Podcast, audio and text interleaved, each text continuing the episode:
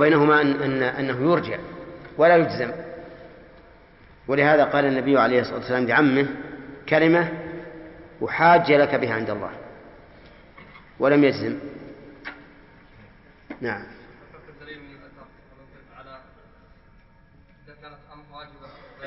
اللي هي؟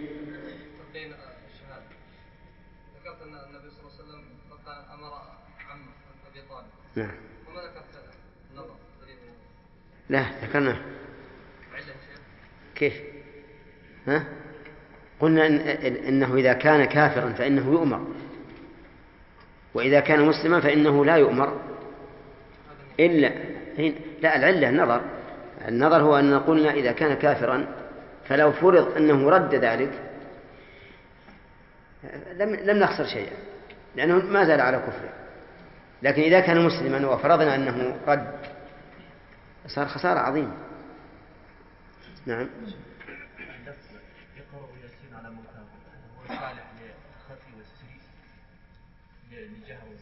إيه؟ صالح. ولهذا تقول قرأت على المريض بالمعوذات مثلا. لا لو إن لم وإن لم يسمع.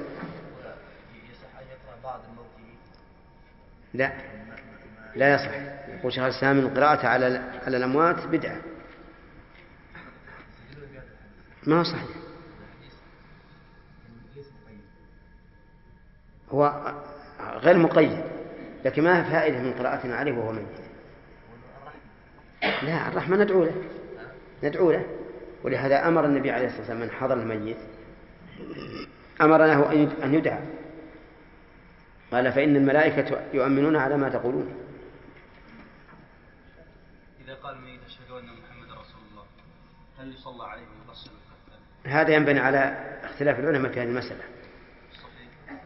والله أنا أتردد في هذه المسألة لأنه كونه يقول أشهد أن محمد رسول الله ولا يقول أشهد أن لا إله إلا الله ما يكفي. كيف؟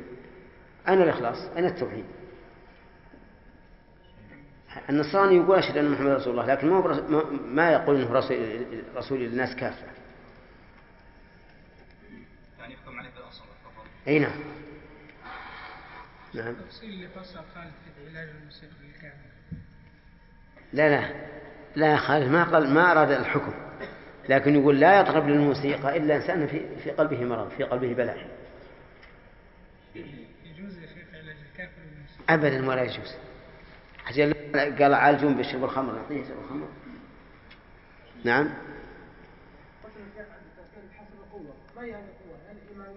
إيش؟ إيش؟ اي نعم. نعم. لا لا قوة الإيمانية. إذا علمنا أن الرجل هذا قوي الإيمان وأنه يعني عنده يقين. ليس كالإنسان الضعيف. نعم. إيش؟ كان مقتضي يا شيخ من يرى انه الحديث الذي ورد في فضل قراءة ياسين على الميت لا تجوز وانها لا تصح والذي حضر يا شيخ يرى ان هذا الحديث صحيح هل يقرا عليه الشيخ ولا لا لا يقرا عليه. لأنه لا يزيد لا يزيده إلا ضيق صدر. اي لكن يبي يقراها لمصلحه الميت المحتضر. فإذا كان لا يرى أنها مشروعة فإنك إذا إذا قرأتها عليه لا تزيده إلا ضيقة صدر وغضبا. يقول أنا أرى أنه من مشروع يروح يضادني. تحدي تكون هذه المسألة تحدي المشاعر. نعم.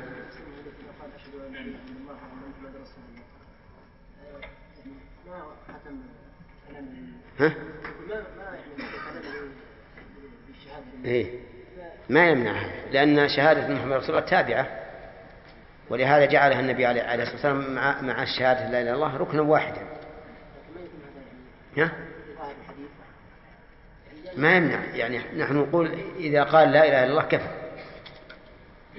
لكن لو قال أن محمد رسول الله ما يمنع أن, أن يكون آخر كلامه لا إله إلا الله لأن الشهادة بالرسالة من, من تتميم أو من تمام الشهادة لله بالتوحيد.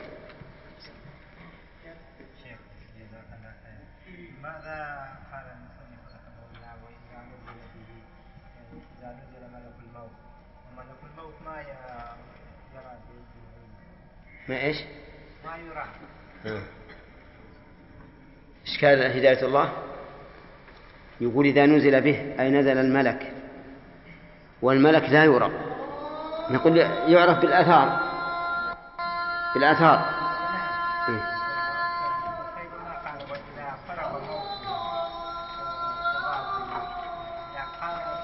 يعني لأن حتى يتحقق. لأجل التحقق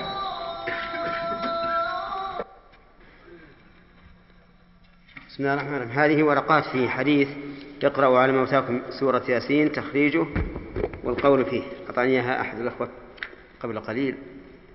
قد يكون من المصلحة أنه يوزع عليكم إن شاء الله.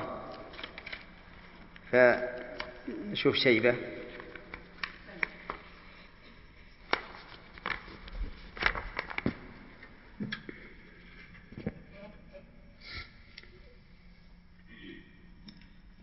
بسم الله الرحمن الرحيم. الحمد لله رب العالمين. صلى الله وسلم على نبينا محمد وعلى آله وأصحابه ومن تبعهم بإحسان إلى يوم الدين. ذكر المؤلف عدة مسائل فيما يكون عند المحتضر. منها يا خالد؟ ها؟ السؤال سبق. نعم. تعاهد بل لحلقه بماء نعم أو شراب ما هي العلة في ذلك؟ أحسنت. ثانيا.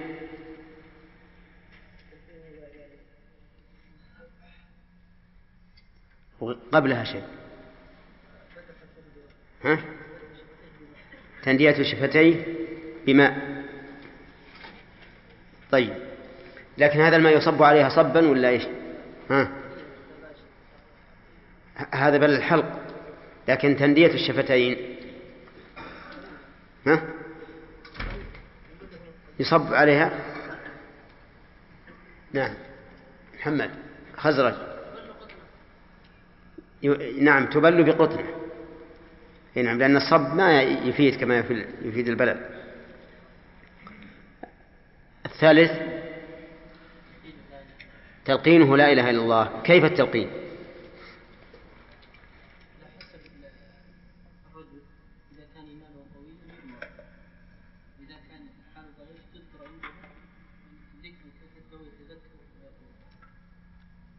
ثالثا.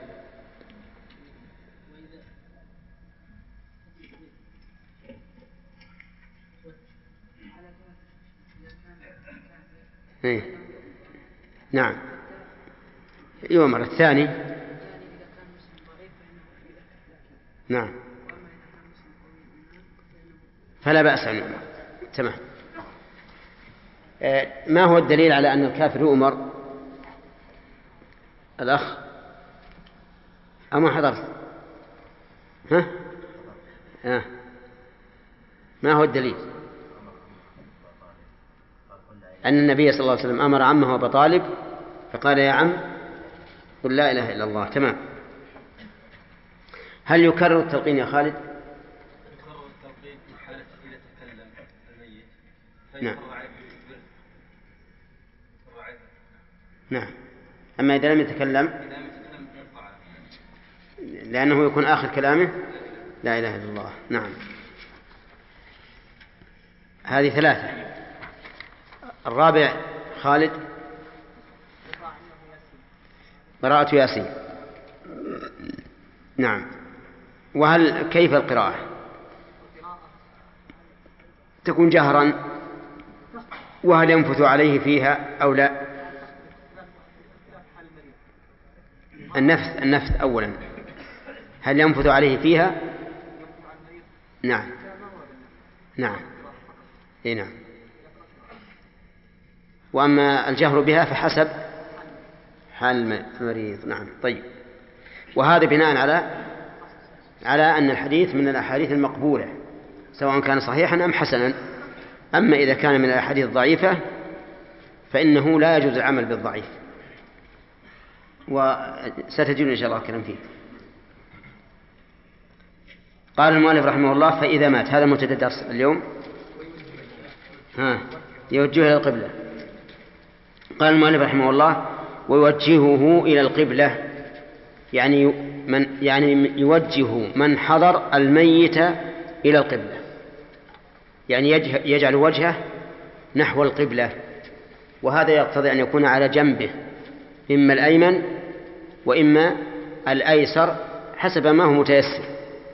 المهم أن يكون وجهه إلى القبلة. وذلك لأن القبلة هي أفضل لأن المجلس الذي يستقبل فيه الإنسان القبلة هو أفضل المجالس. كما يروى عن النبي عليه الصلاة والسلام أنه قال خير مجالسكم ما استقبلتم به القبلة. ولأن ولأن النبي صلى الله عليه وسلم قال البيت الحرام قبلتكم أحياء وأمواتا. قبلتكم أحياء وأمواتا وهذا يشمل الميت المحتضر والميت بعد دفنه في القبر. وكلا الحديثين ضعيف. الأول خير مجالسكم ما استقبلتم به القبلة والثاني أيضا قبلتكم الكعبة قبلتكم أحياء وأمواتا لكن يشهد له ما أخرجه الحاكم والبيهقي عن أبي قتادة رضي الله عنه أن البراء بن معرور أوصى عند موته أن يستقبل القبلة عند عند موته. أوصى قبل موته أن يستقبل به القبلة. فبلغ ذلك النبي صلى الله عليه وسلم فقال أصاب الفطرة أصاب الفطرة. فهذا يشهد للأحاديث السابقة وإلا فإن الذي يظهر من عمل النبي عليه الصلاة والسلام والصحابة أنهم لا يتقصدون أن يوجه المحتضر إلى القبلة. ومن ذلك ما حصل للنبي صلى الله عليه وسلم عند موته حيث مات في حجر عائشة رضي الله عنها ولم يذكر أنها استقبلت به القبلة. إنما هذه الأحاديث وإن كانت ضعيفة ربما تصل إلى درجة ما من الحسن فتكون مقبولة.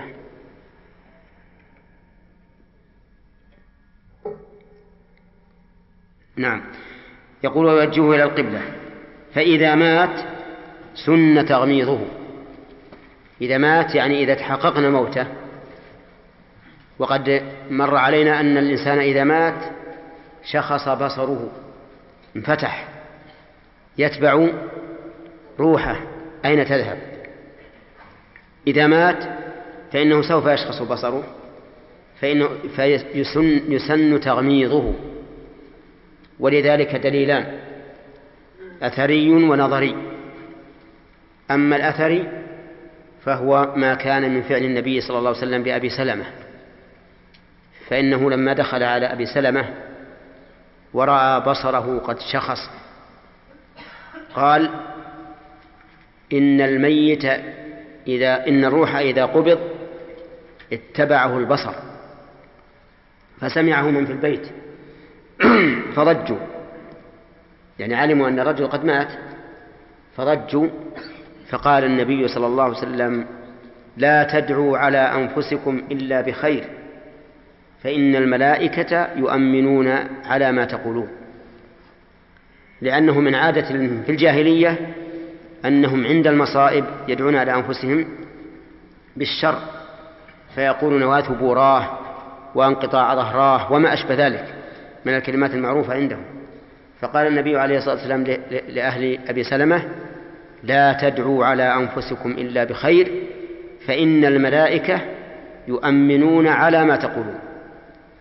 وإن دعاء تؤمن عليه الملائكة لحري بالإجابة لا سيما في هذه الحال التي يكون فيها الإنسان مصابا خاضعا خاشعا مفتقرا إلى ربه عارفا بأنه لا ينجيه من هذه المصيبة إلا الله فيكون حريا بالإجابة. ولهذا سخرت الملائكة لتؤمن على دعائه. ثم قال النبي عليه الصلاة والسلام اللهم اغفر لأبي سلمة وارفع درجته في المهديين وافسح له في قبره ونور له فيه وأخلف واخلفه في عقبه. دعوات عظيمة. خير من الدنيا وما فيها. دعا له بهذه الدعوات الخمس. اللهم اغفر لأبي سلمة وارفع درجته في المهديين وافسح له في قبره ونور له فيه واخلفه في عقبه. الأخيرة منها علمت. فإن الله تعالى خلفه في عقبه حيث سخر نبيه صلى الله عليه وسلم أن يتزوج أم سلمة ويكون أبناء أبي سلمة ربائب للنبي صلى الله عليه وسلم. فخلفه الله في عقبه. والذي علمناه علمناه وما لم نعلمه من المغفرة ورفع درجته في المهديين والفسح له في قبره وتنويره فإننا نرجو أن يكون كذلك. إذا يسن تغميض عينيه. هذا الدليل أثري أو نظري؟ دليل أثري. أما الدليل النظري فهو أولا لإبقاء آه نعم آه لدفع تشويه الميت. لأنه إذا صار البصر شاخصا ففيه تشويه.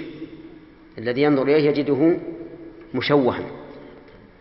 ففي تغميضه إزالة لتشويه وجهه. قال العلماء وفيه أيضا حجب عن الهوام أن تصل إلى حدقة العين. نعم.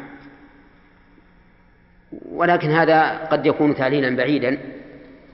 لأن الميت لن يبقى حتى تسلط عليه الهوام ولأنه سيأتي أنه يغطى فالذباب وشبهه لن يصل إليه. لكن التعليل الذي ذكرناه هو الأولى وهو درء إيش؟ درء التشويه. لأن الميت سوف يغسل سوف يكشف فإذا كشف وقد حصل له هذا يكون مشوها. نعم ربما يتوجه ما قاله بعض العلماء في منع الهوام من الوصول إلى الحدقة فيما إذا دفن في القبر. لأنه إذا بقي البصر منفتحا ثم برد الميت لا يمكن أن ينضم بعد هذا. سيبقى منفتحا إلى إلى أن يشاء الله. إذا لدينا دليل دليلان أثري ونظري. وينبغي عند التغميض أن يدعو بما دعا به النبي صلى الله عليه وسلم لأبي سلمة. فيقول اللهم اغفر لفلان وارفع درجته في المهديين وافسح له في قبره ونور له فيه واخلفه في عقبه كما فعل النبي صلى الله عليه وسلم. فيكون هنا سنة فعلية وسنة قولية. الفعلية هي تغميض العينين والقولية هو هذا الدعاء. نعم يقول فإذا مات سن تغميضه. وشد لحييه وتليين مفاصله. لأن الآن كل ما سبق الستة التي ذكرناها فيما سبق قبل الموت. الذي إذا مات فيه أشياء تسن. التغميض هو أول شيء. وشد لحييه. شدها يعني ربط يعني ربطها. اللحيين هما هذان. العظمان اللذان هما منبت الأسنان. فيشدهما بحبل أو بخيط أو بلفافة المهم أن يشد أن يربطهما لأنه إذا لم يربطهما فربما ينفتح الفم لأنه ليس عند الإنسان شعور سيلين اللحيين ثم ستلين, ستلين اللحيان ثم تتدليان فينفتح الفم فإذا شد عليه إذا شدهما وبرد الميت بقي هكذا مشدودا. وهذا ليس فيه دليل أثري فيما أعلم لكن فيه دليلا إيش؟ نظريا وهو درء تشويه الميت من وجه والثاني حفظ باطنه عن دخول الهوام عليه ولو في القبر. وشد الحيث. ثالثا قال وتليين مفاصله. تلين المفاصل يعني أن يحاول كونها لينة والمراد مفاصل اليدين والرجلين وذلك بأن يرد الذراع إلى العضد ثم العضد إلى الجنب ثم يردهما يعني يفتحهما هكذا يقول هكذا وهكذا ثم يأخذها وكذلك المفاصل الرجلين بأن يرد الساق إلى الفخذ ثم الفخذ إلى البطن ثم يردهم قبل أن يبرد لأنه إذا برد بقي على ما هو عليه وصعب تغسيله لأنه يكون يكون مشتدا معصبا. لكن إذا لينت المفاصل صارت لينة عند الغسل وعند التكفين وربط الكفن فسهل على الغاسل والمكفن هذا أيضا لا أعلم فيه سنة لكنه لكن دليله إيش؟ نظري لأن هذا فيه مصلحة فتلين المفاصل. ولكن يجب أن تلين برفق. ما هو بشدة؟ ينزعها بشدة أو يردها بشدة؟ لأن الميت محل الرفق والرحمة فيلينها فيلينها برفق. ثالثا. أو رابعا. رابعا قال وخلع ثيابه. خلع ثيابه. ودليل هذا أثري. ونظري أيضا. أما الأثري فهو قول الصحابة حين مات النبي صلى الله عليه وسلم. هل نجرد رسول الله صلى الله عليه وسلم كما نجرد موتانا؟ فينبغي أن تخلع ثيابه. أما أما النظري فلأن الثياب لو بقيت لحمي الجسم وأسرع إليه الفساد. فإذا جرد من ثيابه صار أبرد له وأنفه ويسجى يجرد من الثياب ويسجى كما سيأتي. هذا خلع الثياب. ثالثا ويجب أن يكون الخلع برفق. يجب أن يكون برفق. خلافا لما رأيناه من بعض الناس تجده يعني ينزع الثياب بشدة لا سيما في ثياب الشتاء.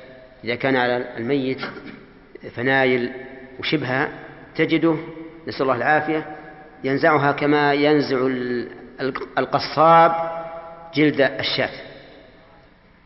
وهذا لا شك أنه خلاف الرحمة خلاف الحنان. ويخشى أن يكون هذا الرجل قد نزعت الرحمة من قلبه. نسأل الله العافية.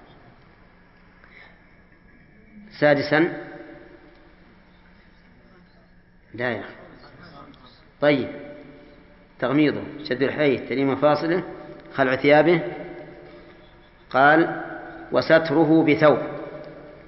ستره أي الميت بثوب يكون شاملا للبدن كله. ودليل ذلك أن النبي صلى الله عليه وسلم حين توفي سجي ببرد حبرة.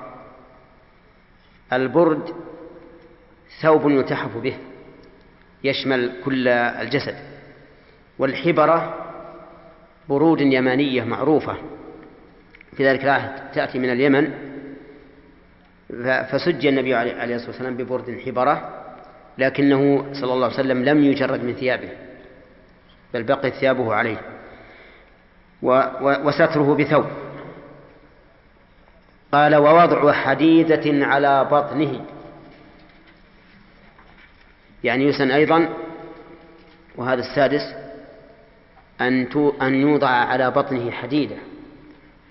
أو نحوها من من الأشياء الثقيلة الثقيلة توضع على بطن الميت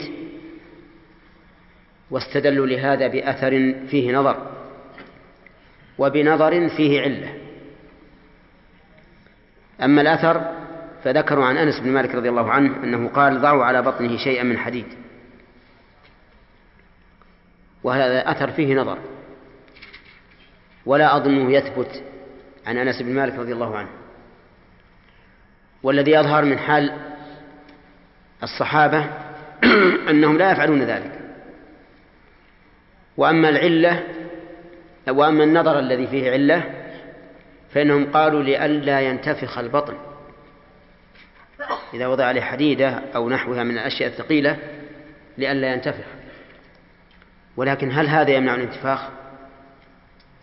لا أظنه يمنع لأن الانتفاخ إذا حصل يقطع الخيوط فلا فلا يغني شيئا. إذا انتفخ ارتفعت الحديدة إلا كان بيحطون عليه حديدة وزن الجبل هذا شيء ثاني. أما إذا كان حديدة يعني مألوفة فإنه إذا إذا انتفخ سوف ترتفع. ثم إن المسافة ما هي كثيرة. المسافة ليست كثيرة. لأن لأن السنة هو هي إيش؟ الإسراع بتجهيز الميت. في عصرنا الآن نستغني عن هذا. وهو أن يوضع في ثلاجة إذا احتيج إلى تأخير دفنه. وإذا وضع في الثلاجة فإنه لا ينتفخ لأنه يبقى باردا فلا يحصل انتفاخ في بطنه. طيب كم هذه؟ ستة. السابق قال ووضعه على سرير غسله. وضعه أي الميت على سرير غسله يعني ينبغي أن يبادر برفعه عن الأرض لئلا تأتيه الهوام. وكأن الفقهاء رحمهم الله في بيوتهم تكثر الهوام لأنها ليست كبيوتنا الآن بيوت بيوتا نظيفة يبعد أن تجد فيها هوام. كان الناس في الأول بيوتهم يعني ما هي على هذا النظافة. الصارور كثير والخنفس كثير والأشياء الثانية كثيرة ونحن أدركنا هذا. إذا دخلت المطبخ في الليل ما تسمع إلا وشيش الصواريخ. نعم رايح وجاي فكأنه فيما سبق إذا مات الميت يخشى عليه من هذه الهوام فلهذا قالوا ينبغي أن يبادر فيرفع على سرير الغسل والسرير معروف سرير ما يجلس عليه. ويختلف سرير الغسل عند الناس منهم من يكون السرير مختوما يعني كله ألواح. ومنهم من يكون السرير غير مختوم يعني عبارة عن آه، آه، أشياء من الخشب مصفوف بعضها إلى بعض. مع الفتحات كما هو موجود عندنا الآن. وهذا لا يضر. المهم أنه يكون على هذا السرير مرتفعا عن الأرض. قال المؤلف متوجها إلى إلى القبلة. لأن ذلك أفضل. ولا أعلم في هذا دليلا من السنة خاصا في هذه المسألة. منحدرا نحو رجليه. يعني أنه يكون رأسه أعلى من رجليه. لماذا؟ لسببين. السبب الأول لئلا يرتج الماء في السرير وهذا لأن الأسرة كانت عنده فيما سبق ألواح ألواح مختومة. أما السرير الذي عندنا فليس كذلك. والشيء الثاني من أجل أن يسهل خروج ما كان مستعدا للخروج من بطنه. لأنه إذا كان مرتفعا نحو رجليه آه، نازل نحو رجليه فالذي متهيئ للخروج يخرج. طيب. كم هذه؟ سبعة. نعم. وضعه على سبيل غسله. هذه السابعة. متوجها منحدرا نحو رجليه. هذه صفة للوضع. فلا نعدها مستقلة. قال وإسراع تجهيزه الثامن. وإسراع تجهيزه إن مات غير فجأة. لقول النبي صلى الله عليه وسلم أسرعوا بالجنازة. فإن تك صالحة فخير تقدمونها إليه وإن تك سوى ذلك فشر تضعونه عن رقابكم. وهذا حديث ثابت النبي صلى الله عليه وسلم لكنه ظاهر فيما إذا كانت محمولة لأن قوله فشر تضعونه عن رقابكم ظاهر في أن المراد بذلك الإسراع بها حين تشييعها. لكن نقول إذا كان الإسراع حين التشييع مطلوبا مع ما فيه من المشقة, من المشقة على المشيعين فالإسراع في التجهيز من باب من باب أولى. أما حديث لا ينبغي لجيفة مسلم أن تحبس بين ظهراني أهله فهو ضعيف. فهو ضعيف. لكن ما استدلنا به يغني عنه. قال إن مات غير فجأة. إن مات غير فجأة. فإن مات فجأة فإنه لا لا يسن الإسراع بتجهيزه لاحتمال أن تكون غشية. لا موتا. والمسألة خطيرة لأنه لو كانت غشية ثم جهزناه ودفناه ولم تكن موتا صار في ذلك قتل للنفس. فالواجب إذا مات فجأة أن ينتظر به. وهذا الذي ذكره العلماء رحمهم الله قبل أن يتقدم الطب. أما الآن فإنه يمكن أن يحكم عليه مئة بالمئة أنه مات في بسرعة. يعني يحكم عليه بسرعة أنه مات. لأن لديهم وسائل قوية تدل على موت المريض. لكن إذا لم يكن هناك وسائل فإن الواجب الانتظار. فينتظر إن مات غير فجأة. طيب إلى متى؟ إلى متى ننتظر إذا مات فجأة؟ إلى أن نتيقن موته. يقول المؤلف في الشرح يعلم يعلم موته بانخساف صدغيه وميل أنفه وانفصال كفيه واسترخاء رجليه. أربع علامات ذكر. انخساف الصدق الصدق هذا هذا فإن الواجب الانتظار فينتظر إن مات غير فجأة. طيب إلى متى؟ إلى متى ننتظر إذا مات فجأة إلى أن نتيقن موته. يقول المؤلف في الشرح يعلم يعلم موته بانخساف صدغيه وميل أنفه وانفصال كفيه واسترخاء رجليه. أربع علامات ذكر. انخساف الصدغ الصدغ هذا. هذا ينخسف لأن اللحى اللحيين تنطلق. إذا انطلقت صار هذا منخسفا. الثاني يقول ميل وميل أنفه. إذا مات يميل الأنف لأن الأنف مستقيم ما دامت الحياة في الإنسان.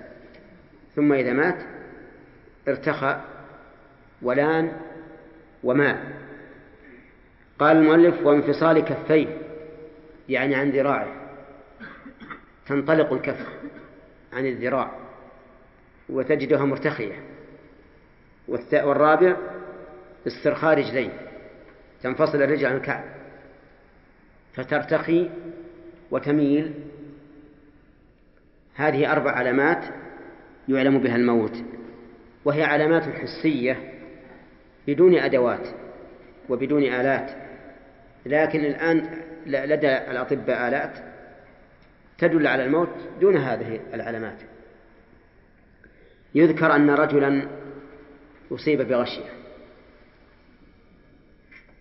فلما أصيب بغشية جهزوا وحملوه إلى المقبرة فمروا برجل ذي خبرة. فقال لهم ما هذا؟ قالوا هذا جنازة نريد أن ندفنها. قال لا هذا لم يمت نزلوه. فنزلوه فأتى بصوت فجعل يضربه يضرب هذا الميت حتى تحرك حتى تحرك. فقالوا ما الذي حملك على هذا؟ ما الذي أعلمك أولا أنه ليس بميت؟ قال إن الميت لا تسترخي رجليه لا تلتصق وهذا الذي أنتم حملتم رجلاه منتصبتان. وأما ضرب إياه بالصوت فلأن الضرب يحمي الجسم. يحمي الجسم. وإذا حمي جسمه زالت عنه البرودة التي هي سبب الغش. ثم ثم حملوه راجعا إلى بيته. نعم. فالمهم أن هذا شاهد على ما قال الفقهاء رحمهم الله أن من علامات الموت انفصال الرجلين أو استرخاء الرجلين. طيب. إذا الثامن إسراع التجهيز بشرط. إيش؟ أن يموت غير فجأة فإن مات فجأة وجب الانتظار. وبهذا التقرير نعلم خطأ ما يفعله بعض الناس مما حدث أخيرا أنهم يؤخرون الميت حتى يأتي أقاربه. أحيانا يكون أقاربه خارج المملكة في أوروبا أو غيرها. فينتظرون به يوما أو يوما وليلة من أجل حضور الأقارب. وهذا في الحقيقة جناية على الميت. الميت إذا كان من أهل الخير فإنه يود أن يدفن سريعا لأنه يبشر بالجنة عند موته. نسأل الله يجعلنا وإياكم منهم. يبشر بالجنة عند موته. وإذا خرج خرج به من بيته تقول نفسه قدموني قدموني. تحثهم على أن أن يوصلوها إلى القبر. فإذا حبسناه عما أعد الله له من النعيم صار في هذا جناية عليه مع مخالفة السنة.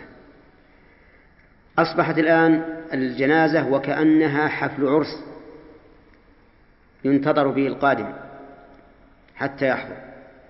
وهذا لا شك أنه خلاف السنة من وجه وجناية على الميت من وجه آخر. أما إذا أخر مثلا لساعة أو ساعتين أو نحوهما من أجل كثرة الجمع فلا بأس بذلك. كما لو مات في أول النهار وأخرناه إلى الظهر ليحضر الناس. أو أو إلى صلاة الجمعة إذا كان في صباح الجمعة ليكثر الناس عليه فهذا لا بأس به. لأنه تأخير يسير لمصلحة. مصلحة من؟ مصلحة الميت. فلا بأس به. فإن قال قائل كيف نجيب عن فعل الصحابة رضي الله عنهم حيث لم يدفنوا النبي صلى الله عليه وسلم إلا يوم الأربعاء أو ليلة الأربعاء مع أنه توفي ليلة يوم الاثنين؟ فالجواب عن ذلك أنه من أجل إقامة الخليفة بعده حتى لا يبقى الناس بلا خليفة. فالإمام الأول محمد رسول الله صلى الله عليه وسلم توفي فلا نواريه بالتراب ونغيبه عن ظهر الأرض حتى نقيم خليفة بعده. وهو مما يحثهم على إنجاز إقامة الخليفة. وتعلمون أنه من حين ما بويع أبو بكر رضي الله عنه شرعوا في تجهيز النبي صلى الله عليه وسلم ودفنه. وعلى هذا فإذا مات الخليفة وكان لم يعين من يخلفه فلا حرج أن يؤخر دفنه حتى يقام خليفة بعده. قال وإسراء تجهيز وإنفاذ وصية وإنفاذ ولا وإنفاذ؟ وإنفاذ بالكسر. عطفا على تجهيز يعني وإسراع إنفاذ وصيته. أما إنفاذ وصيته منه فهو واجب لكن إسراع الإنفاذ فإنه يسن إسراع إنفاذ الوصية. إن كانت في واجب فلإسراع إبراء ذمته. وإن كانت في تطوع فلإسراء الأجر له. والوصية كما نعلم إما واجبة وإما تطوع. قال أهل العلم فينبغي أن تنفذ قبل أن يدفن. سبحان الله إذا رأيت هذا الكلام ورأيت ما يفعله بعض الظلمة من الورثة الذين يؤخرون وفاء الدين عن الميت لمصالحهم الخاصة. تجد الميت عليه ديون. ووراءه عقارات. فيقول لا نبيعها. نوفيه من الأجرة ولو بعد عشر سنين. أو يقول لا الأراضي مثلا كسدت الآن كاسدة. ننتظر حتى ترتفع قيمتها. وربما ترتفع وربما تنزل. لكن والعياذ بالله هذا- ظلم. وربما يكون هؤلاء الذين صنعوا ذلك ربما يكونون من ذرية الميت. فيكون فيه من العقوق ما لا يخفى على أحد. لأن الميت يتأثر بالدين الذي عليه. إن صح الحديث نفس المؤمن معلقة بدينه حتى يقضى عنه فقد صح وإن لم يصح فلا بد أن تتأثر النفس بهذا الدين الذي عليه. فالوصية بالواجب يجب المبادرة بإنفاذها وبالتطوع يسن لكن الإسراع بذلك سواء من واجبها أو مستحبة قبل أن يصلى عليه ويدفن هذا سنة. نعم. وإنفاذ وصيته. ويجب الإسراع في قضاء دينه. يجب الإسراع في قضاء دينه أي دين الميت سواء كان هذا الدين لله أو للآدمي. فالدين لله مثل الزكاة والكفارة والنذر وما أشبه ذلك. والدين للآدمي كالقرض وثمن المبيع والأجرة وضمان تالف وغير هذا من حقوق الآدميين يجب الإسراع بها بحسب بحسب الإمكان. بحسب الإمكان. فتأخيرها حرام. طيب ما هو الدليل على وجوب القضاء الإسراف في قضاء الدين؟ الدليل أثري ونظري. أما الأثري فلأن النبي صلى الله عليه وسلم أما الأثري فلأن النبي صلى الله عليه وسلم قال نفس المؤمن معلقة بدينه حتى يقضى عنه وهذا الحديث فيه ضعف. لكن يؤيده حديث أبي قتادة في الرجل الذي جاء به إلى النبي صلى الله عليه وسلم ليصلي عليه فسأل هل عليه دين؟ قالوا نعم. ديناران. فتأخر ولم يصلي عليه. فقال أبو قتادة الديناران علي؟ يا رسول الله. قال حق الغريم وبرئ منه الميت؟ قال نعم. فتقدم فصلى. فهذا يدل على وجوب الإسراع في قضاء دين الميت. و وأما الدليل النظري فلأن الأصل في الواجب إيش؟ المبادرة بفعله. هذا هذا هو الأصل. ولا يجوز تأخير الواجب إلا إذا اقتضى الدليل تأخيره. نعم وستره بثوب يعني بثوب في أي ثوب الخرقة ولا الصواب لا لا لا. إذا قال العلماء بثوب فالمراد بالثوب ما يستر ما يستر, ما يستر ولو بخرقة. وهذا هو وهذا هو المراد. المراد بثوب ليس ليس قميصا ولا سر- سراويل ولكنه خرقة لحاف. أي نعم من أجل عورته. عورته وبدنه. نعم.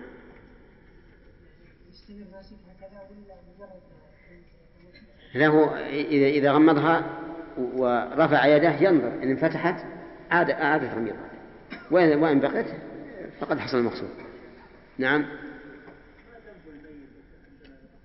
عندما إيش؟ إيش؟ يؤخر ما ذنبه؟ ما له ذنب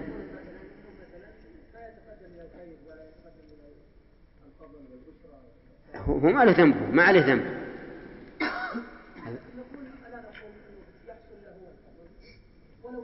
ما عليه ذنب.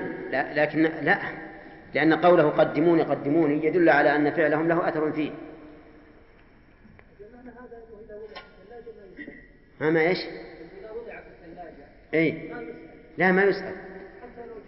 حتى لو جلس عشر, عشر سنين لا دام ما سلم وانتهى أهله منه فهو في عالم الدنيا. إلا إذا وضع في القبر أو فيما يقوم مقام القبر كما لو كان كما لو مات في بحر وألقي في البحر. لا لا ما يسأل. حتى يكفن ويصلى يصلى عليه ويسلم. نعم يا عبد الرحمن.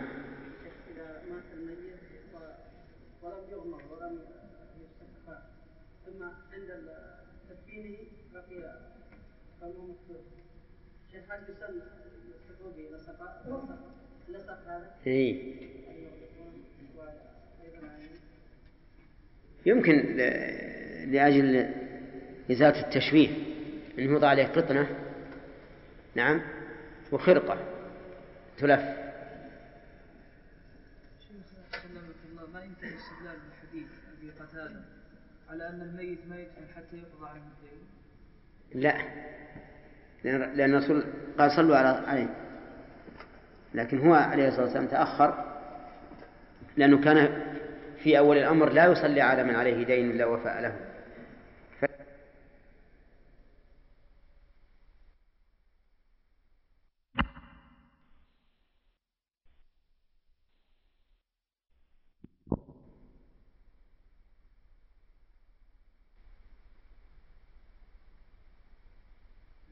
أبي قتادة.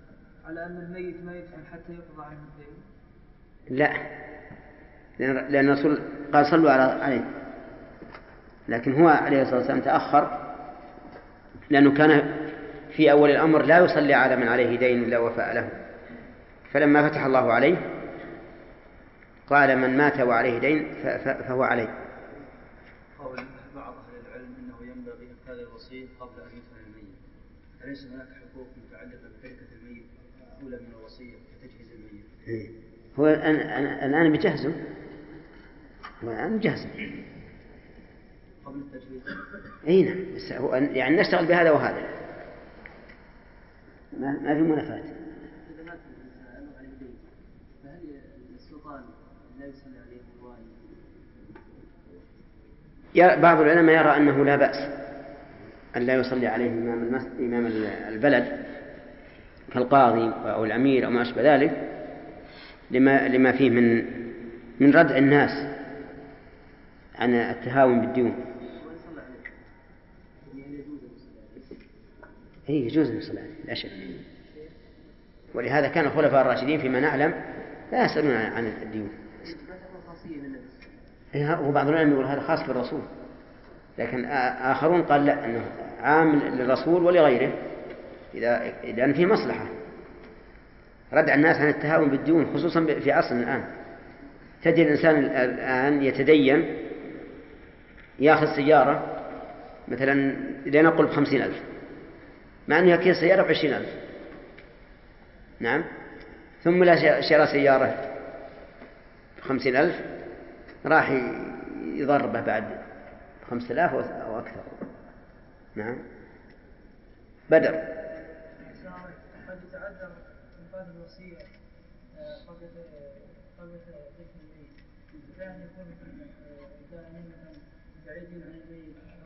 الميت هي المسألة ما هي سبيل الوجوب يا بدر؟ افرض أن الر- الميت هذا قال هذا هذه مئة ريال أوصيت بها لفلان. صدقة سهل. يسهل أنهم يأخذونها قبل ما يدفنون ويروحون بلد للمصالحة. والمسألة حسب الإمكان. ربما يكون أيضا في في ال- في التركة عقارات تحتاج إلى مدة في بيعها. نعم. محمد.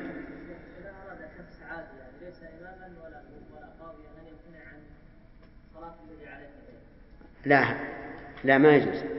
بدعة. لأن النبي صلى الله عليه وسلم أمر الصحابة أن يصلوا. قال صلوا على صاحبه. نعم رحمه الله ما يجوز من ترك قدم فيما فيمن مات شهادة. كيف؟ ذكرت مشتركة فيمن مات شهادة؟ كيف الأمور؟ يعني كم- كمات في النساء أو غرض إيش؟ من مات في النساء أو غرض أي نعم. إيه مشتركة. إلا إلا ما ما, ما يختص بالشهيد شهيد المعركة بكونه لا يغسل ولا يكفن. هذا شيء ثاني. نعم ناصر الميت إذا تكفل الإنسان بدين تبرأ ذمته إذا؟ إذا؟ إذا. تكفل. يعني كفل شخصا بدين.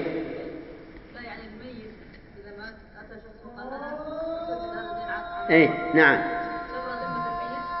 ما تبرأ البراءة التامة حتى يوفى. لكن لكنها تبرأ من المطالبة. لماذا وضع العلماء كتاب الجنائز في آخر كتاب الصلاة مع أنه لا مع أن له تعلقا بالوصايا والفرائض.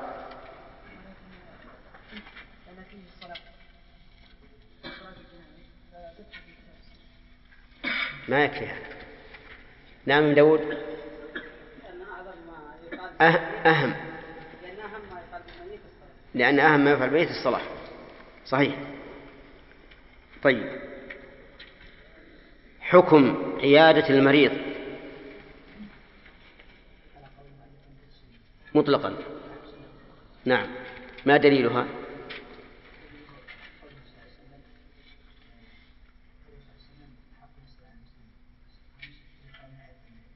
نعم.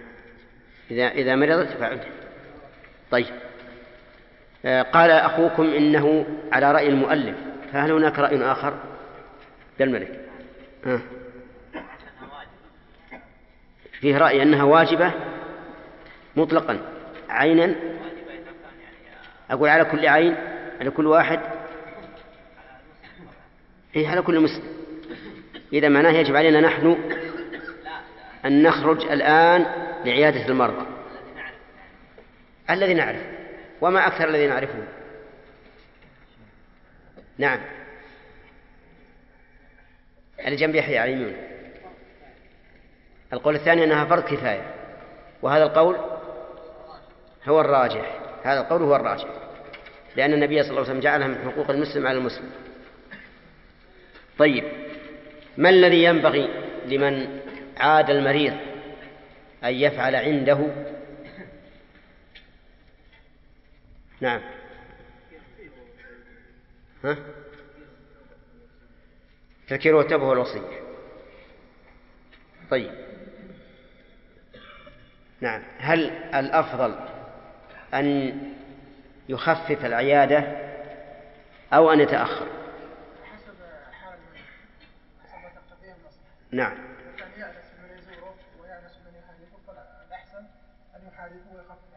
نعم. وإذا كان حاله لا تسمح بذلك فالأفضل أن يخفف. أحسنت. صح طيب.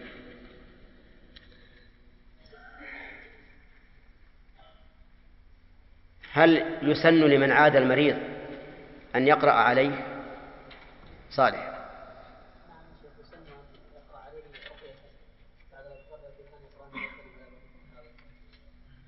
نعم لا سيما إذا كان المريض يتشوف لذلك فإنه يسن أن يقرأ يقرأ عليه. طيب.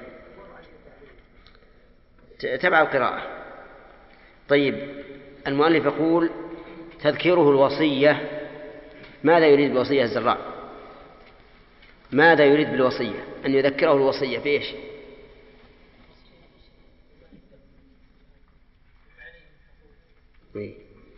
بما عليه من حقوق. وما وما يريد أن يوصي به من تطوع؟ ولا بس الوصية الواجبة؟ هل يريد المؤلف أن يذكره الوصية الواجبة؟ وهي التي للحقوق التي ليس فيها بينة أو الوصية ولو مستحبة. كلاهما. يذكر هذا وهذا. ها؟ اجزم اجزم. هو بيذكر بيقول إن كان لك يا فلان وصية بحقوق أو غيرها فأوصي. نعم. ها؟ طيب. هل يقول يا خالد أوصي أو يقول قال ابن عمر رضي الله عنهما عن النبي صلى الله عليه وسلم ما حق امرئ مسلم يوصي فيه له شيء يوصي فيه؟ يبيت ليلتين أيهما أحسن؟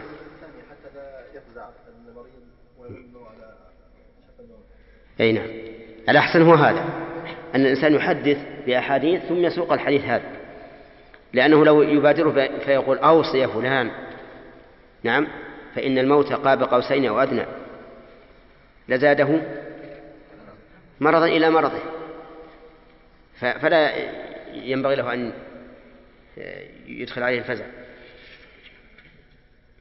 طيب إذا نزل بالمي بالمريض يعني نزل الملك بقبض روحه فإن المؤلف ذكر أشياء تستحب اذكر لنا واحدة منها. عبد المنان. هذا واحد. بل حلقه بماء أو شراب. كيف يبل؟ بأن ينقط فيه؟ نعم. أو يدخل أو أو يدخل مثلا عودا مبلولا. ها؟ نعم. يعني ليس هذا. اي طيب. هذه واحدة. درس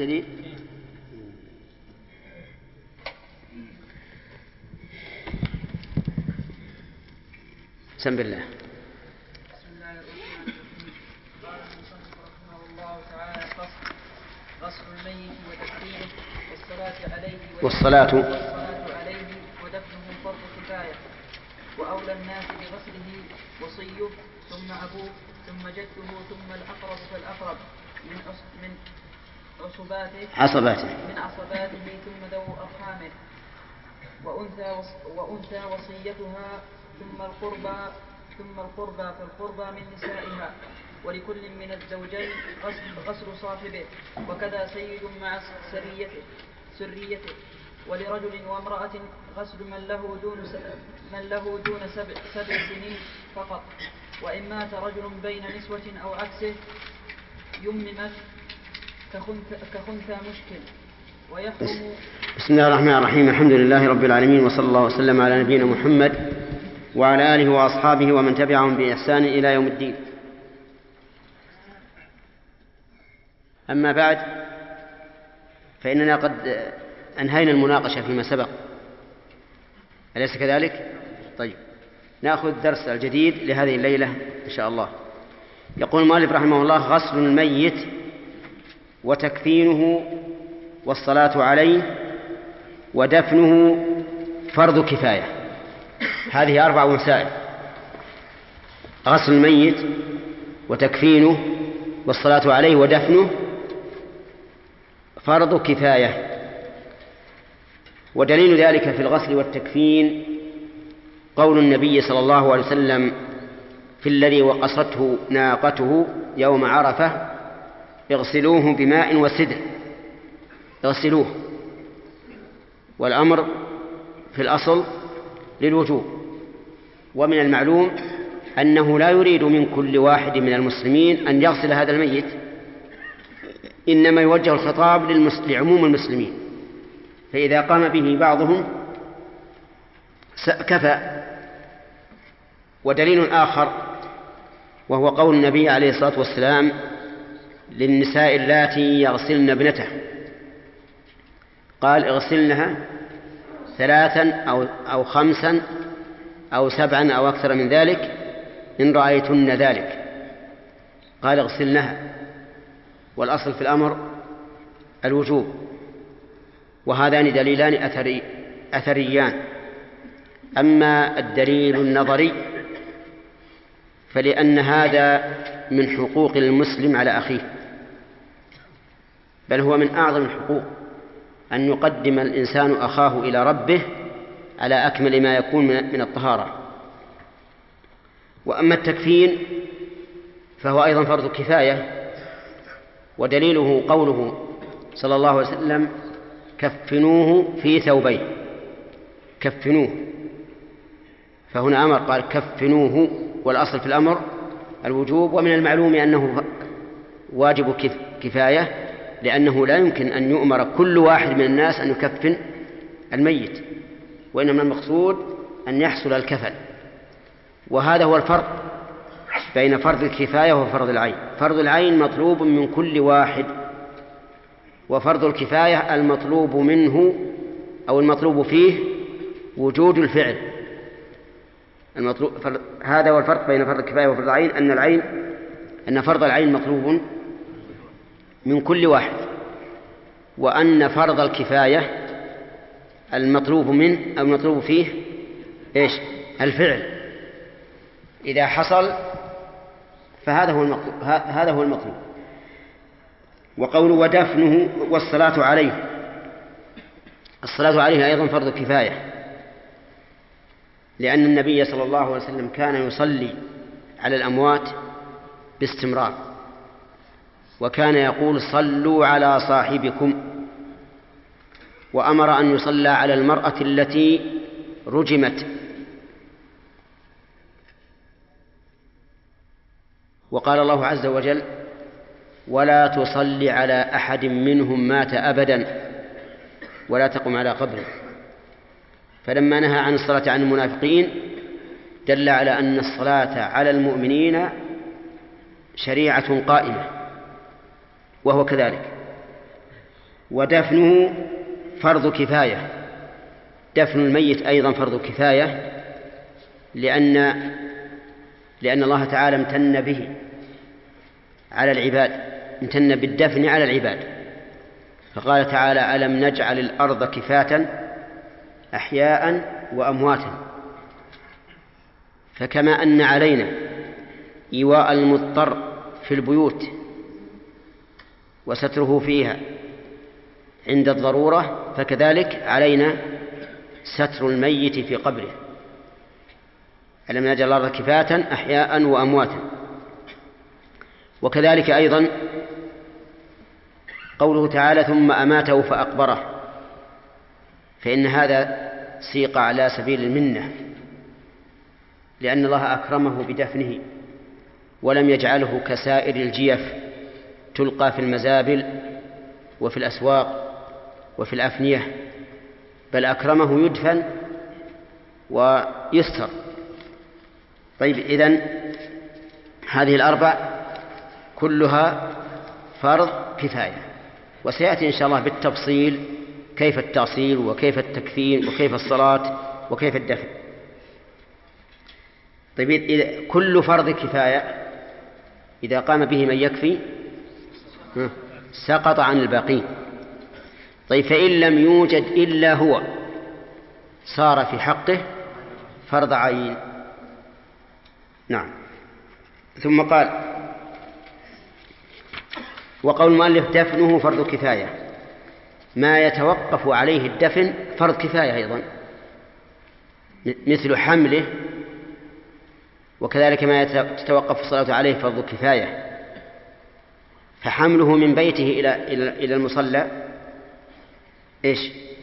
فرض كفاية. وحمله من المصلى إلى المقبرة فرض كفاية لأن ما لا يتم الواجب إلا به فهو واجب. فإذا قال قائل إذا كانت هذه الأشياء تحتاج إلى مال فمن أين يؤخذ المال؟ الغسل يحتاج إلى مال.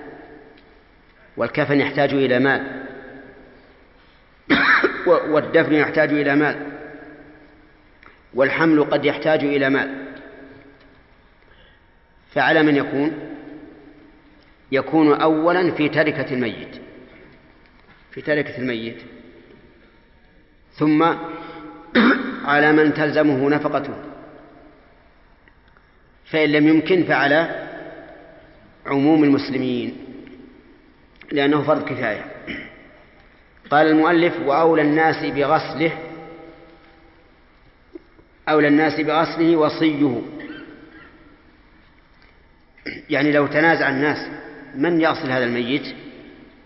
قلنا أولى الناس بغسله وصيه. يعني الذي أوصى أن يغسله. واستفدنا من قول المؤلف وصيه. أنه يجوز للميت أن يوصي بأن لا يغسله إلا فلان. والميت قد يوصي بذلك لسبب مثل أن يكون هذا الوصي تقيا. يستر ما يراه من مكروه أو أن يكون عالما بأحكام الغسل أو أن يكون رفيقا لأن بعض الذين يغسلون الأموات يعاملونهم بشدة. عند نزع ثيابه تجده يعامله بعنف وكأنما يسلخ جلد الشاة مذبوحة نسأل الله العافية. فيوصي إلى شخص معين. فإذا كان الميت قد أوصى إلى شخص معين بأن يغسله فلان فهو أولى الناس بتغسيله. فإن لم يوصي فسيذكره المؤلف. طيب ما هو الدليل على استفادة أولوية التغسيل بالوصية؟ لأن أبا بكر رضي الله عنه أوصى أن تغسله امرأته وأوصى أنس بن مالك أن يغسله بمحمد بن سيرين. ثانيا قال ثم أبوه ثم جده ثم الأقرب فالأقرب من عصباته. هنا قدموا ولاية الأصول على ولاية الفروع. وفي باب الميراث تقدم الفروع على الأصول. وفي ولاية النكاح الأصول على الفروع. فهنا لو, لو, لو كان للشخص الميت أب وابن أب وابن ولم يوص من يغسله منهما فالأولى الأب.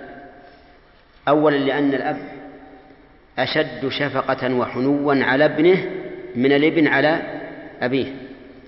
ثانيا لأن الأب في الغالب يكون أعلم بهذه الأمور من الابن لصغره.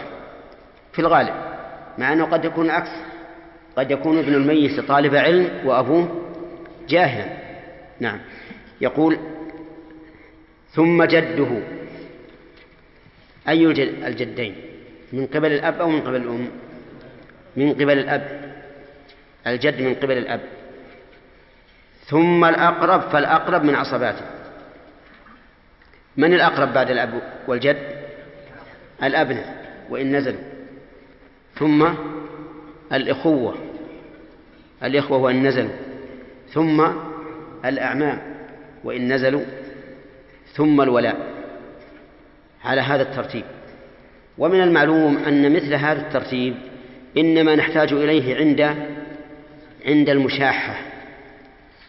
فأما عند عدم المشاحة كما هو الواقع في عصرنا اليوم فإنه يتولى غسله من يتولى غسل عامة الناس. وهذا هو المعمول هو المعمول به الآن. تجد الميت يموت وفيه أناس مستعدون للتغسيل يذهب يذهب إليهم فيغسل فيغسلونه. يقول ثم الأقرب فالأقرب من عصباته والأولى ثم ذو أرحامه. ذو الأرحام أي أصحاب الرحم كل قريب ليس بذي فرض ولا عصبة. كل قريب ليس بذي فرض ولا عصبة. فأبو الأم مثلا من من ذوي الأرحام. وأم الأب من ذوي الأرحام. ليست من ذوي ليست من ذوي الأرحام. ولكن هل تغسل الرجل؟ إذا لا ترد علينا.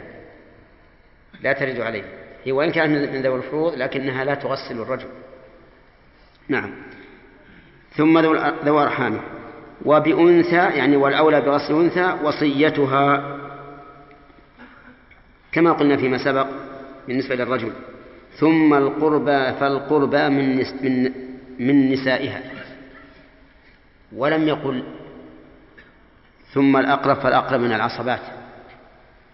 لأن النساء ليس فيهن عصبة إلا بالغير أو مع الغير.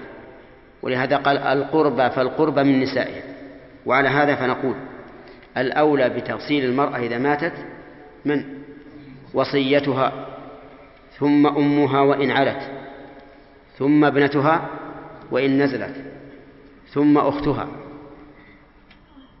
من أب أو أم أو أو الشقيق ثم عماتها وخالاتها إلى آخره القربى في القربى من نسائهم. ثم قال المؤلف رحمه الله ولكل واحد من الزوجين غسل صاحبه. لكل واحد من الزوجين غسل صاحبه أي تغسيله. فالزوج له أن يغسل زوجته إذا ماتت والزوجة لها أن تغسل زوجها إذا مات. ودليل هذا ما سبق من حديث أبي بكر رضي الله عنه أنه أوصى أن تغسله زوجته أسماء بنت عميس. وكذلك بالعكس لأنه يروى عن النبي صلى الله عليه وسلم أنه قال لعائشة لو مت قبلي لغسلتك. وعلى هذا فنقول الزوج يجوز أن يغسل امرأته والزوجة يجوز أن تغسل زوجها. طيب. وكذا سيد مع أمته. نعم نعم. وكذا سيد مع سريته والمراد مع أمته. ولو لم تكن سرية. فلو قدر أنها مملوكة لكن لم يتسرها. يعني لم يجامعها. ثم مات فلها أن تغسله وله أن يغسلها ثم قال ولرجل وامرأة غسل من دون سبع سنين فقط. لرجل وامرأة غسل من دون سبع سنين فقط. من ذكر أو أنثى. ودليل هذا أن إبراهيم بن النبي صلى الله عليه وسلم غسلته النساء لأنه مات في الرضاعة أي قبل أن يفطر. ولأن عورة من دون السبع لا حكم لها. فإذا ماتت طفلة لها سبع سنوات لها أقل من سبع سنوات فلأبيها أن يغسلها. وإذا مات طفل له أقل من سبع سنوات فلأمه أن تغسله فإن ماتت طفلة لها سبع سنوات فأكثر فهل لأبيها أن يغسلها؟ لا لأنه لا يغسل الرجل المرأة ولا المرأة الرجل إلا في الزوجين والمالك وأمته طيب ولهذا قال ولرجل وامرأة غسل من دون سبع سنين فقط. وإن مات رجل بين نسوة. أو عكسه يعني أو حصل عكسه بأن ماتت امرأة بين رجال فإنه يقول يمم. كذا عندكم؟ يممت كخنثى مشكل. إن مات رجل بين نسوة كم؟ كم عمر الرجل؟ سبع سنين فأكثر. إذا مات بين نسوة فإنهن لا يغسلن إلا أن يكون معهن زوجة له أو أو أمة. فإن كان معهن زوجة أو أمة فإنها تغسل كما سبق. أما إذا لم يكن معهن زوجة ولا أمة فإنه فإنه لا يغسل. طيب لو كان معه بنت؟ نعم. لا تغسل. أم لا تغسلها أيضا. طيب. وكذلك لو ماتت امرأة بين رجال فإنه فإنها لا تغسل. إلا أن يكون أحد أحد الرجال زوجا أو سيدا. وقوله يممت كخنثى مشكل. أفادنا المؤلف بقوله يممت أنه متى تعذر غسل الميت فإنه ييمم وتعذره يكون له صور منها هذه الصورة. بل هاتان الصورتان أن تموت امرأة بين رجال أو رجل بين نساء ليس فيهن من يصح أن يغسله. ثانيا لو عدم الماء مات ميت في البر وليس عندنا ماء فإنه ييمم. ثالثا لو تعذر تغسيله لكونه محترقا فإنه ييمم. هكذا قال المؤلف رحمه الله بناء على أن طهارة التيمم تقوم مقام طهارة الماء. وقال بعض العلماء إن من تعذر غسله لا ييمم. وذلك لأن المقصود بالتيمم التعبد لله تعالى بتعفير الوجه واليدين بالتراب وهذا لا يحتاجه الميت. لا يحتاجه الميت. إذ أن المقصود من تغسيل الميت التنظيف بدليل قوله صلى الله عليه وسلم في الرجل الذي وقصته ناقته اغسلوه بماء وسدر. وقوله صلى الله عليه وسلم للنساء اللاتي يغسلن ابنته يغسلنها ثلاثا أو خمسا أو سبعا أو أكثر من ذلك إن رأيتن ذلك. وذلك بحسب ما يكون من نظافة جسد الميت أو عدم نظافته. فإذا كان نظيفا فإنه لا يكرر إلا ثلاثا وإن كان غير نظيف فإنه يكرر بحسب ما يحتاج إليه. لكن المؤلف رحمه الله يقول إنه ييمم كيف أن كيف نيممه؟ يأتي رجل أو امرأة ويضرب التراب بيديه ثم يمسح بهما وجه الميت وكفيه. هذا صفة التيميم. ثم قال المؤلف ويحرم أن يغسل مسلم كافرا أو يدفنه. بل يواريه لعدم من يواريه. قال يحرم أن يغسل مسلم كافرا. ووجه التحريم أن الله تعالى قال لنبيه صلى الله عليه وسلم ولا تصل على أحد منهم مات أبدا ولا تقم على قبره. فإذا كان فإذا نهي عن الصلاة على الكافر وهي أعظم ما يفعل بالميت وأنفع ما يكون للميت فما دونها؟ من باب أولى. ولأن الكافر نجس وتطهيره لا يرفع نجاسته. لقوله تعالى يا أيها الذين آمنوا إنما المشركون نجس. ولمفهوم قول النبي صلى الله عليه وسلم إن المؤمن لا ينجس. فيحرم أن يغسله. وكذلك يحرم أن يكفنه. والعلة ما سبق أنه إذا نهي عن الصلاة وهي أعظم وأنفع ما يفعل في الميت فما دونها من باب أولى. قال في الشرح أو يتبع جنازته أو يتبع جنازته أو جنازته يجوز الوجهان حسب ما سبق. يعني لا يجوز للمسلم أن يتبع جنازة الكافر لأن تشييع الجنازة من إكرام الميت والكافر ليس أهلا للإكرام بل يهان الكافر. قال الله تبارك وتعالى محمد رسول الله والذين معه أشداء على الكفار رحماء بينهم تراهم ركعا سجدا يبتغون فضلا من, من الله ورضوانا سيماهم في وجوههم من أثر السجود. ذلك مثلهم في التوراة ومثلهم في الإنجيل. كزرع أخرج شطأه فآزره فاستغرض فاستوى على سوقه يعجب الزراع ليغيظ بهم الكفار. ليغيظ بهم الكفار. فدل هذا على أن غيظ الكفار مراد لله عز وجل. وقال تعالى ولا يطؤون موطئا يغيظ الكفار ولا ينالون من نيلا إلا كتب لهم به عمل صالح.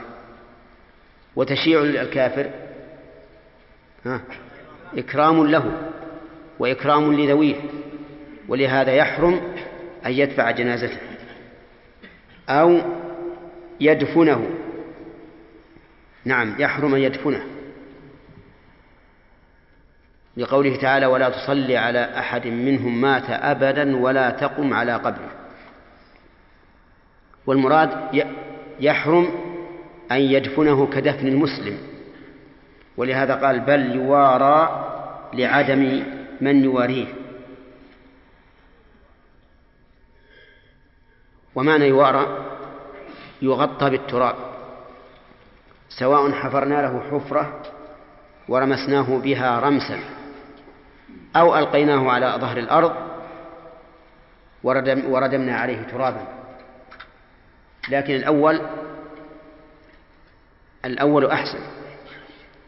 أي أننا نحفر له حفرة ونلمسه فيها. لأننا لو وضعناه على ظهر الأرض وردمناه بالتراب فلربما تحمله الرياح تحمل هذا التراب ثم تتبين جثته. وقوله بل يوارى لعدم يشمل ما إذا ووري بالتراب أو إذا ووري بقعر بئر أو نحوها. لأن النبي صلى الله عليه وسلم أمر قتل أمر بقتل بدر من المشركين أن إيش؟ أن يلقوا في بئر من آبار بدر كما هو مشهور في السيرة. قال بل يواريه لعدم. وش ما معنى ما معنى لعدم؟ أي لعدم من يواريه. فإن وجد من يقوم بهذا من أقاربه فإنه لا يحل للمسلم أن يساعدهم في هذا. بل يكل الأمر إليهم. ثم قال وإذا أخذ في غسله ستر عورته. من هنا ابتدأ المؤلف في كيفية تغسيل الميت. فقال وإذا أخذ في غسله. لا يرضى النحويون بهذا التعبير من الفقهاء أي بقولهم وإذا أخذ في غسله. لأن أخذ هنا من أفعال الشروع. وأفعال الشروع لا بد أن يكون خبرها جملة فعلها مضارع. وعلى هذا تكون العبارة على قاعدة النحويين وإذا أخذ يغسله إذا أخذ يغسله. ولكن العبارة من الفقهاء ليس فيها خلل لأن كل واحد يعرف أن معنى قوله وإذا أخذ في غسله أي, أي إذا شرع في غسله. وقوله في غسله أي في تأصيله ستر عورته وجوبا. وهي بالنسبة للرجل ما بين السرة والركبة. وكذلك بالنسبة للمرأة مع المرأة ما بين السرة والركبة. وعلى هذا فيجرد الميت من كل شيء إلا مما بين السرة والركبة. إن كان رجلا فهو بالنسبة للرجال وإن كان امرأة فبالنسبة للنساء. فقول المؤلف هنا عورته يريد بها إيش؟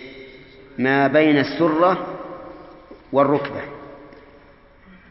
طيب قال وجرده. جرده. ومعنى جرده أي من ثيابه. فيستر عورته أولا يعني يلف عليها لفافة أولا ثم يجرد ثيابه يجرده من ثيابه. ودليل ذلك أثر ونظر. أما الأثر فقول الصحابة حين أرادوا تغسيل النبي صلى الله عليه وسلم هل نجرد موتانا؟ أن نجرد رسول الله صلى الله عليه وسلم كما نجرد موتانا. وأما النظر فلأن تجريده أبلغ في تطهيره والمقام يقتضي التطهير وكلما كان أكمل فيه فهو أفضل. قال و وستره عن العيون. يعني ينبغي أن يستره عن العيون وهذا غير ستر العورة لأن ستر العورة واجب وهذا مستحب. يعني ينبغي أن يغسله في مكان لا يراه الناس إما في حجرة وإما في خيمة إن كان في البر وما أشبه ذلك. وذلك لأن ستر الميت عن العيون أولى من كشفه. فإن الميت قد يكون على حال مكروهة فيكون ظهوره للناس نوعا من الشماتة به. وأيضا ربما يكون مفزعا لمن يشاهده مروعا له. لا سيما عند بعض الناس فإن بعض الناس يرتاع جدا إذا شاهد الميت. فستره عن العيون أولى وأحفظ ولهذا قال وستره عن العيون. ويكره لغير معين في غسله حضوره. يكره لغير معين في غسله حضوره. هذه نائب الفاعل. يعني يكره أن يحضره شخص إلا من احتيج إليه لمعونته. وذلك لأنه ربما يكون في الميت شيء لا يحب أن يطلع عليه الناس. ولنفرض أن في الميت جروح لا يحب أن يطلع عليه الناس. أو نفرض أن فيه عيب من برص أو نحوه لا يحب أن يطلع عليه الناس. فنقول لغير المعين في غسل لا تحضر. ما دمت لا يحتاج إليك فلا تحضر. وظاهر كلام المؤلف حتى وإن كان من أقاربه مثل أن يكون أباه أو ابنه أو ما أشبه ذلك. فإنه لا يحضر لأنه لا حاجة إليه. طيب. الآن ما الذي عملنا؟ إذا أخذنا في الغسل ماذا نعمل؟ أول ما نعمل. أن نستر عورته. ثم بعد ذلك نجرده من ثيابه.